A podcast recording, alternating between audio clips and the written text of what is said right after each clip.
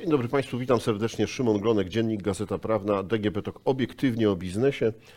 A zapraszam Państwa do obejrzenia i posłuchania e, podcastu w ramach e, naszego cyklu e, Giełda Papierów Wartościowych, oczyma prezesa Ludwika Sobolewskiego, prezesa Giełdy Papierów Wartościowych w latach 2006-2013.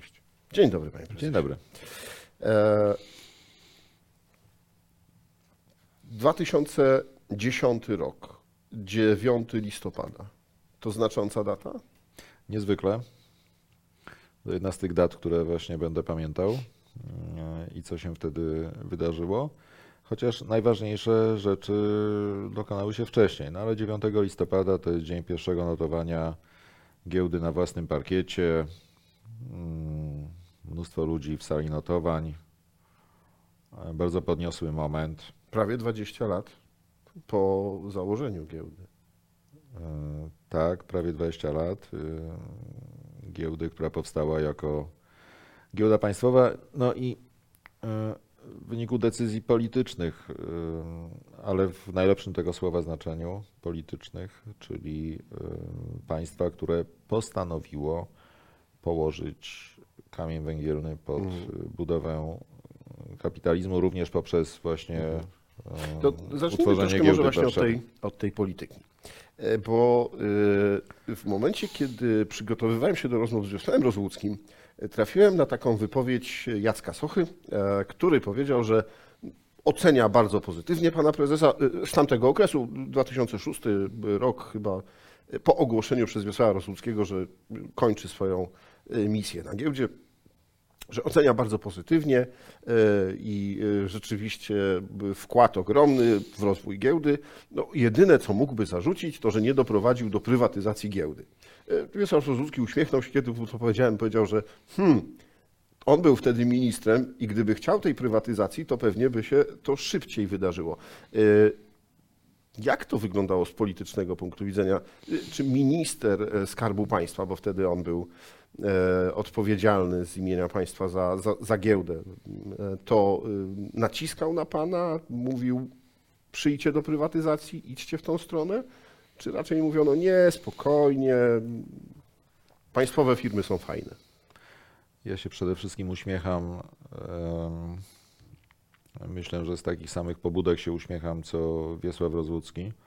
Jak słyszałem coś takiego, że można oceniać pozytywnie, ale tam z jednym wyjątkiem, bo mm, ja miałem y, do tak zwanej prywatyzacji giełdy warszawskiej, która to nie jest giełdą sprywatyzowaną y, do dzisiaj. No jeżeli byśmy się trzymali pewnej ścisłej definicji, albo raczej takiej życiowo-praktycznej definicji prywatyzacji, tak trochę e, nawiązując do Leszka Balcerowicza, który mówił, że jeżeli Skarb Państwa czy minister jakiś może odwołać sobie prezesa, mimo że przeszła spółka transakcję prywatyzacyjną, to to nie jest żadna prywatyzacja. No to to jest dokładnie tak samo z giełdą warszawską dzisiaj, ale to w pewnym sensie też pokazuje, że to, czy Skarb Państwa jest dominującym właścicielem operatora giełdowego, czy nie, samo w sobie nie jest jeszcze zagadnieniem. Zagadnieniem to jest, jak się ten Skarb Państwa zachowuje jako, jako właściciel. Tak samo jak kluczowym zagadnieniem jest to, jak się zachowuje jako właściciel spółek innych, publicznych, notowanych na giełdzie. To, to jest kluczowe zagadnienie. Więc to są takie tam banialuki, że, że tam jest to jakiś zarzut, że, że nie doprowadził do, e, do prywatyzacji, bo ta prywatyzacja sama w sobie to wcale nie jest jakąś gwarantowaną wartością. Przechodząc dalej. E, To był temat od początku rynku kapitałowego, bo tam nawet była jakaś strategia rządowa, e, chyba na początku lat 90., że giełda e, w 6 miesięcy po założeniu będzie sprywatyzowana. Więc taki trochę żart e, potem się okazało. E, I teraz e, giełda miała w akcjonariacie za właściciela Skarb Państwa 99% z niewielką domieszką domów maklerskich. Nieistotne, że tam domy maklerskie były. One też tam były z racji takiego dogmatu, że jak ktoś chce handlować na giełdzie, to powinien mieć akcje, bo to tak nawiązywaliśmy do tego, jak tam ci brokerzy pod tym słynnym platanem na Manhattanie się zbierali i mm, tworzyli giełdę, no to tam kupowali akcje tej giełdy.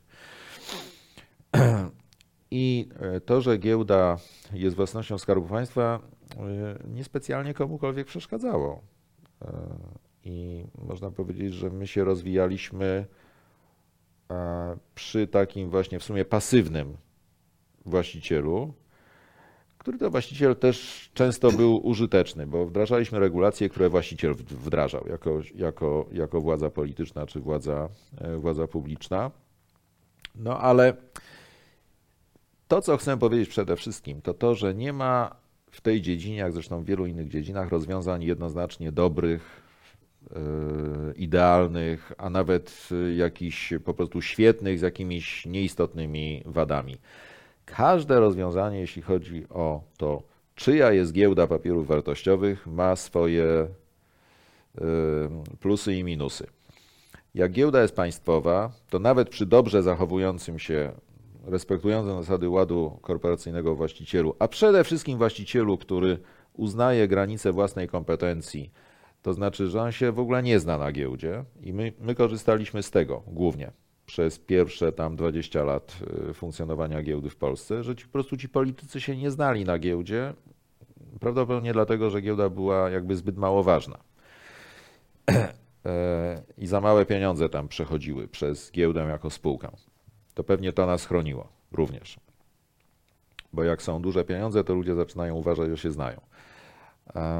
Więc y, to, y, to była sytuacja w sumie nieszkodliwa z punktu widzenia rozwoju rynku giełdowego, ale też no, przeszkadzająca. Po pierwsze, bez przerwy mówiono o tej prywatyzacji. Ja, nim zostałem prezesem giełdy, to uczestniczyłem pewnie w 50 różnych konferencjach, gdzie na zasadzie, że trzeba mieć fajny, bieżący, ważny zawsze punkt programu, no to było prywatyzacja giełdy warszawskiej. Tak?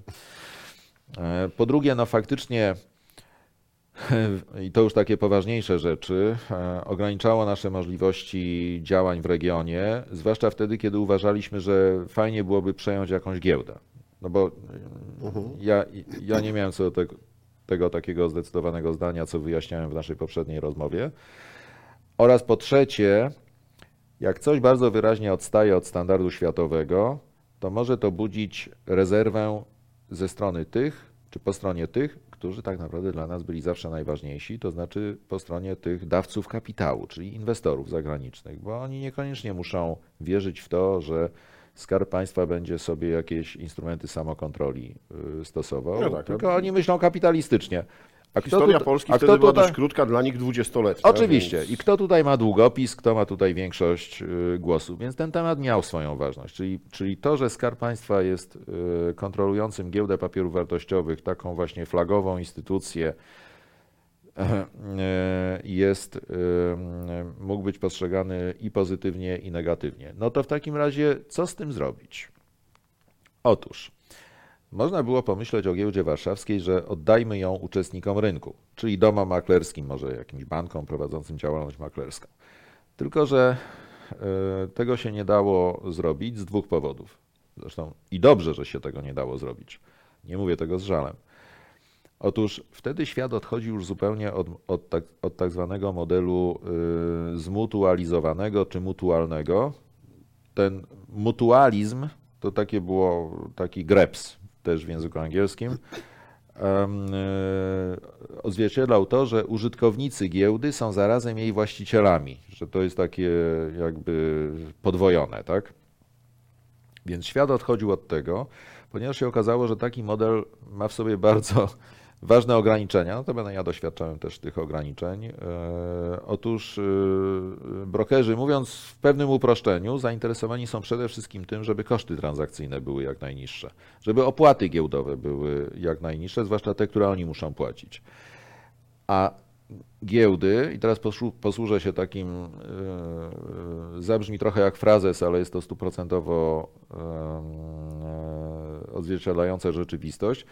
Giełdy są w niesłychanie dynamicznie zmieniającym się środowisku i muszą bardzo inwestować, żeby choćby na poziomie technologicznym nie odstawać od, y, od tych takich najbardziej y, zaawansowanych. Więc znowu, na świecie zdano sobie z tego sprawę, że ten model mutualny ogranicza możliwości rozwojowe rynku jako takiego. I powstał taki model y, zdemutualizowany. Tak tłumaczę dosłownie te, te, te, te, te, angielskie wyrażenia. To znaczy, że zrywamy łącznik pomiędzy pośredniczeniem w obrocie na giełdzie, a posiadaniem własności tego Udziałów w operatora. Tak jest. No i wtedy powstało zagadnienie, no dobrze, ale jak nie tak, to jak? I wtedy niezwykle popularne stało się to, że giełdy będą spółkami publicznymi, będą spółkami notowanymi na własnych parkietach. Dzisiaj giełda nowojorska, giełda londyńska, Deutsche Börse, Euronext, yy, yy, no wszystkie, które mają jakieś znaczenie. Yy, Nie wiem, czy giełda w Hongkongu, ale chyba też są, są, spółkami, yy, są spółkami giełdowymi. Teraz tak. W warunkach, dlaczego ja mówię, że 9 listopada 2010 roku był niezwykle podniosłym, symbolicznym momentem, ale, ale najważniejsze rzeczy dokonały się wcześniej. Otóż mm, w Polsce w latach, w Polsce, w tej komunikacji między ministrem skarbu a, a, a mną, a giełdą i innymi osobami, które e, rozumiały, czym jest rynek giełdowy, popularność zdobyło myślenie na pewien czas, że jeżeli chcemy budować giełdę jako e, centrum finansowe regionu, to trzeba się sprzymierzyć z jakimś silniejszym, mocniejszym kolegą z sąsiedniego podwórka. Że się inaczej, inaczej to będziemy po prostu mm, wiele, wiele lat próbować i pewnie się, i pewnie się nie uda. Nie osiągniemy tego rozwoju. To, tak było, wtedy. to było dobre, bo e, ja mówię tutaj o ministrze Aleksandrze Gradzie, z którym ym, może nie do końca pięknie się różniliśmy, ale, ale dobrze się różniliśmy, konstruktywnie się różniliśmy. Znaczy on uważał, że właśnie potrzebny, nam, potrzebny jest ten inwestor strategiczny, ten branżowy, czyli jakaś inna wielka giełda globalna, której on przekaże kontrolę nie całkowicie, bo Grad był bardzo, e, e, jakby to powiedzieć, e, rozumiejącym wiele niuansów ministrem skarbu. Więc nie całkowicie, ale, jakby, ale na pewno bieżące operacyjne zarządzanie przekazujemy, przekazujemy jakiejś wielkiej giełdzie globalnej. Więc my się tutaj totalnie różniliśmy, no ale zgadzaliśmy się na wyższym poziomie, że chodzi nam o to, że dobrze zaczęliśmy, ta strategia regionalna przynosi efekty, mamy nowe rynki, mamy nowych inwestorów, mamy nowe spółki i tak dalej. I jak to wzmocnić, prawda? Ja się obawiałem tego inwestora strategicznego, bo mm, może dlatego, że lepiej ich znałem niż, niż minister skarbu i wiedziałem, że mm, to będzie taki dla, dla nich to nawet takie nie będzie piąte, tylko jakieś tam dziewiąte koło uwozu, a niektórzy to mogą mieć jeszcze takie jakieś myśli, które niekoniecznie są zgodne właśnie z tą wizją kreacji. Te, które pan miał w stosunku do tych mniejszych giełd, czyli e, Tak, niech tam oczywiście. będzie ten New Connect, a u nas niech debiutują najwięksi. Oczywiście, że tak. I ja się temu bardzo e, sprzeciwiałem, ale mm, w bardzo otwartej komunikacji z ministrem Gradem nawet mu powiedziałem, że będę budował poparcie dla, dla innej koncepcji. To znaczy, no, prochu nie wymyśliłem, bo też nie chciałem, bo też nie uważałem, że to jest jakaś kwestia e, aż tak kluczowa dla rozwoju rynku, chociaż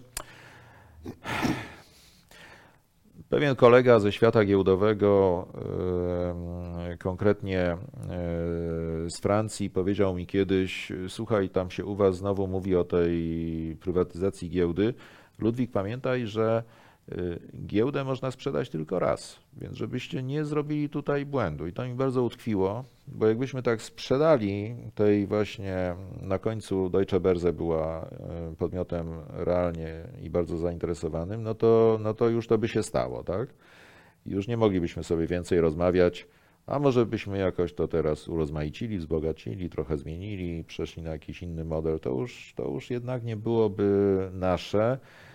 I uważałem za opowiastki z mchu i paproci, że tam jakieś właśnie będzie wspieranie tego rynku lokalnego i właśnie dzięki temu największe polskie spółki będą jeszcze chętniej debiutować w Warszawie, bo szczerze mówiąc nie rozumiałem, dlaczego zarządzający tymi wielkimi giełdami mieliby właśnie Jak, jaki Uprawiać tego rodzaju w tym, żeby tutaj działalność. debiutowały. To jest tak, jak potem pojechałem do Bukaresztu i, i tam byli niektórzy ludzie zachwyceni, że będą spółki wchodzić jednocześnie na giełdę londyńską i na giełdę w Bukareszcie, więc ja im mówię, słuchajcie, powiem wam i wiem, co mówię, bo sam też opowiadałem tego rodzaju e, marketingowe, naciągane tezy, to tylko będzie źle dla nas tutaj w Rumunii, bo będzie dochodzić do fragmentacji płynności. Nie, my musimy budować giełdę w Bukareszcie, tu przekonywać inwestorów, a nie dawać się wodzić za nos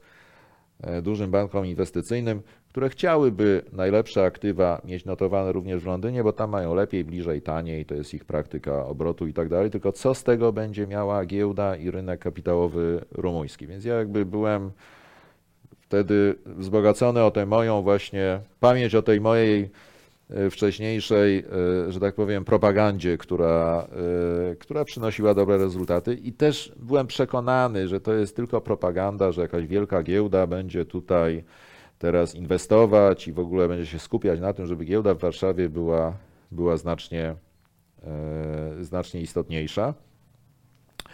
Koniec końców górę wzięła koncepcja żeby, mm, żeby właśnie poniechać tej koncepcji, e, tę koncepcję e, transakcji z inwestorem strategicznym.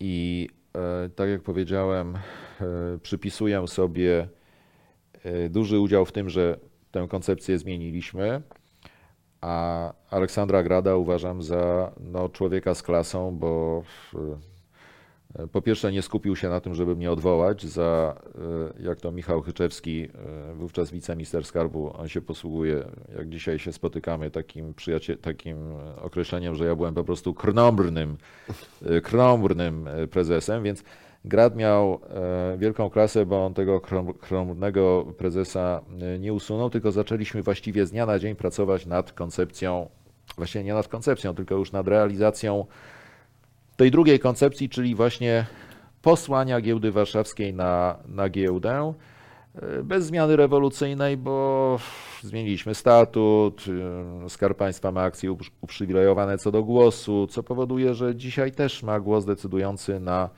na walnym zgromadzeniu, e, więc to była taka prywatyzacja i nieprywatyzacja.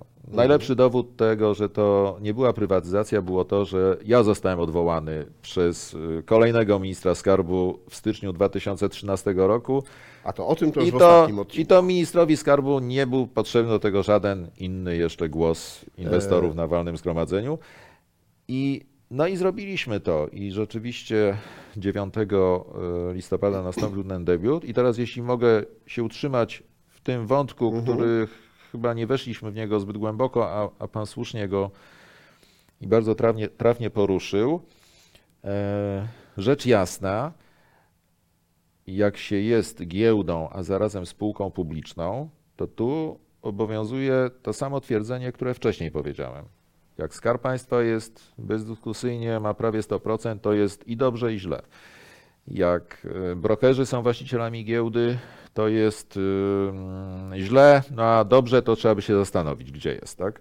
W czym się to przejawia.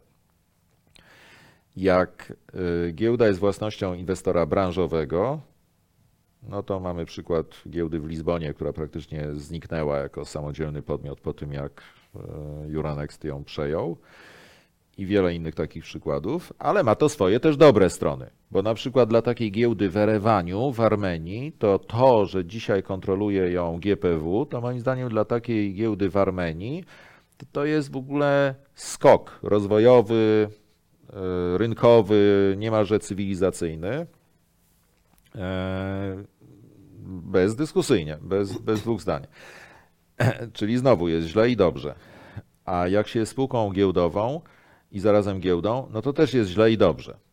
To znaczy, dobrze, bo jesteśmy czytelni, bo ci inwestorzy zagraniczni, ten świat wreszcie rozumie, okej, to jest spółka, która zarządza prywatnym rynkiem kapitalistycznym, a sama nie jest jakimś tam być może urzędem czy jakąś agendą jakiegoś tam Ministerstwa Skarbu w jakiejś tam odległej Polsce. To to jest dobrze. Tak, departamentem. To to jest dobrze. E, Poza tym, ym, no, giełda była zarządzana profesjonalnie jak spółka prywatna i to, i to było za czasów Rozwódzkiego i za czasów moich. I e, zupełnie nie kolidowało to z tym, że byliśmy, że tak powiem, własnością Skarbu Państwa. Tak? Można, można.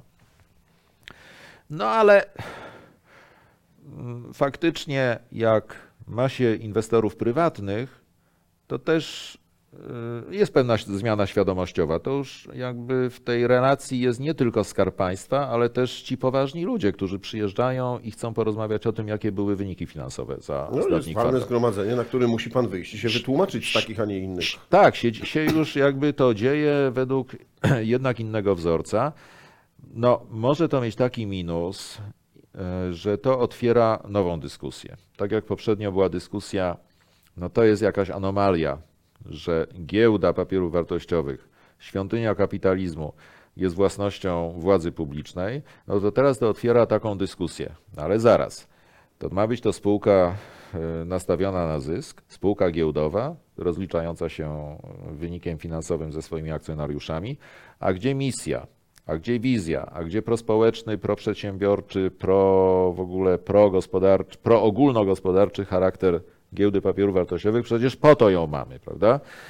Nie po to, żeby ona bezwzględnie Zarabiała, zarabiała, tylko tylko po to, żeby tworzone były jak najlepsze warunki do tego, żeby było jakby jak najwięcej PKB, żeby się obracało na giełdzie i żeby było jak najwięcej inwestorów i żebyśmy mieli społeczeństwo, które składa się nie wyłącznie z konsumentów i właścicieli nieruchomości, e, lecz również, żebyśmy mieli społeczeństwo złożone z inwestorów. I to jest zadanie e, również giełdy, tak? Więc to otwiera oczywiście dyskusję na temat, na temat yy, tego, że trzeba umiejętnie łączyć te dwie, te dwie, te dwa cele, czy te dwie powinności, tak? Bo z jednej strony jest powinność wobec prywatnych akcjonariuszy, którzy zainwestowali swoje pieniądze. Oni niekoniecznie są zainteresowani w tym, że giełda ma jeszcze jakąś misję wobec rynku i lokalnej gospodarki, no ale z drugiej strony trzeba tę misję e, wykonywać. Ja twierdzę, że są inwestorzy i, i w moich czasach byli tacy inwestorzy, jestem przekonany, że nadal są w akcjonariacie GPW, którzy rozumieli ten, e, którzy rozumieli te dwie powinności i rozumieli, zresztą ja to tak właśnie w ten sposób sprz- sprzedawałem akcje giełdy, jak robiliśmy roadshow i, i IPO, i którzy rozumieli, że ta misja buduje właśnie ten cel bieżący, czy ten krótkoterminowy. Bo jak ktoś wchodzi inwestycyjnie w coś takiego jak giełda papierów wartościowych, to on sobie doskonale zdaje sprawę z tego, że to nie jest walor spekulacyjny. Tam się pojawiają instytucje z dłuższym horyzontem e, myślenia i o swoim portfelu inwestycyjnym. Oni rozumieją, że to jest instytucja infrastrukturalna. e, Okej, zarabiająca na obrocie, ale nierozumne, mówiąc delikatnie, a mówiąc bardziej dosadnie, yy, krótkowzroczne i głupie, byłoby naciskanie na to, żeby ta instytucja podnosiła y, opłaty giełdowe, no bo zysk będzie lepszy w kolejnym kwartale, bo to tak naprawdę podcina rynek, czyli opłacalność tej inwestycji w dłuższym, e, w dłuższym terminie. Więc e, ja, ja mam niezmienione i przypuszczam, że niezmienne przekonanie, że nie ma sensu mówić yy, o prywatyzacji jako jakimś ogólnym koncepcie, tylko trzeba zawsze zejść poziom, co najmniej jeden poziom niżej, ale jaki wariant? Może nawet nie prywatyzacji, tylko jaki wariant modelu własnościowego giełdy? Taki, pierwszy, drugi, trzeci, czwarty, jakiś podwariant. Każdy ma jakieś plusy i minusy, nie ma rzeczy idealnych, nie ma też modeli, które są w ogóle obarczone jakimś potężnym błędem, że wiadomo, że one są do odrzucenia od razu. Nie ma takiego komfortu, że sobie możemy powiedzieć, to jest w ogóle poza, poza jakąkolwiek dyskusją. Każdy z nich jest w zasadzie dopuszczalnym jakimś modelem. My wybraliśmy taki. Uważam, że on się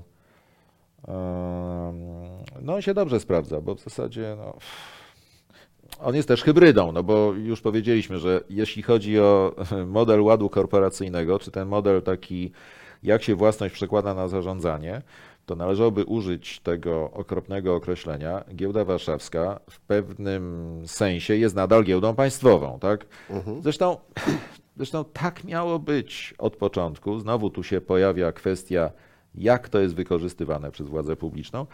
Ale ja tak mówiłem od początku, że, że, że, że my nie mamy co nie lubić Skarbu Państwa, bo dzięki niemu e, ogromnie też wiele osiągnęliśmy w latach 90. i w tych pierwszych latach 2000.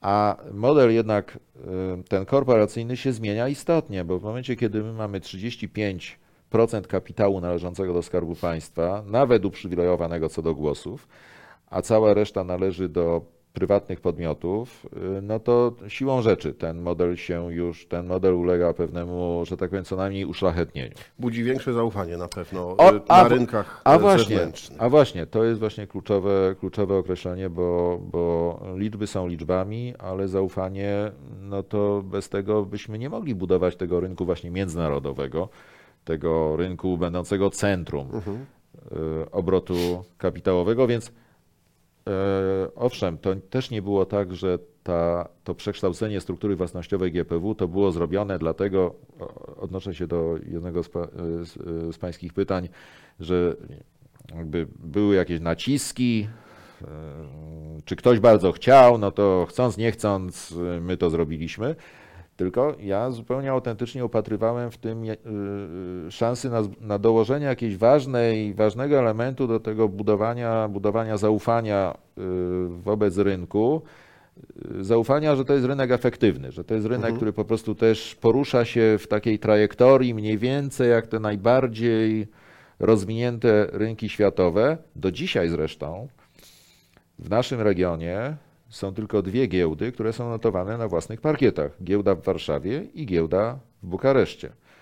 Więc jak ja wylądowałem w Bukareszcie, to byłem, znowu się przesiadłem z jednej spółki giełdowej do drugiej spółki giełdowej i to nawet w ogóle w tym samym roku giełda w Bukareszcie weszła na własny parkiet, tylko nikt na to nie zwrócił uwagi na świecie, dlatego że to był tak zwany te- techniczny listing, czyli giełda w Bukareszcie nie sprzedawała swoich akcji w ofercie, znaczy właściciel nie sprzedawał, ani też, Tak, ani mhm. też środki nie były pozyskiwane do spółki. No a my zrobiliśmy naprawdę spektakularną ofertę, y, która spowodowała, że no bardzo wielu ludzi wtedy i w mediach, i w środowisku finansowym zwróciło naprawdę baczną uwagę na to, co się dzieje w Polsce na rynku giełdowym. Panie prezesie, tu stawiamy kropkę i od razu zapraszam e, widzów do jeszcze jednego odcinka. I, I to będzie odcinek o polityce, no i o końcu e, pańskiej przygody z giełdą w e, Polsce, przynajmniej e, wtedy. Tak zrobimy. Dziękuję Państwu bardzo i zapraszam do następnego odcinka.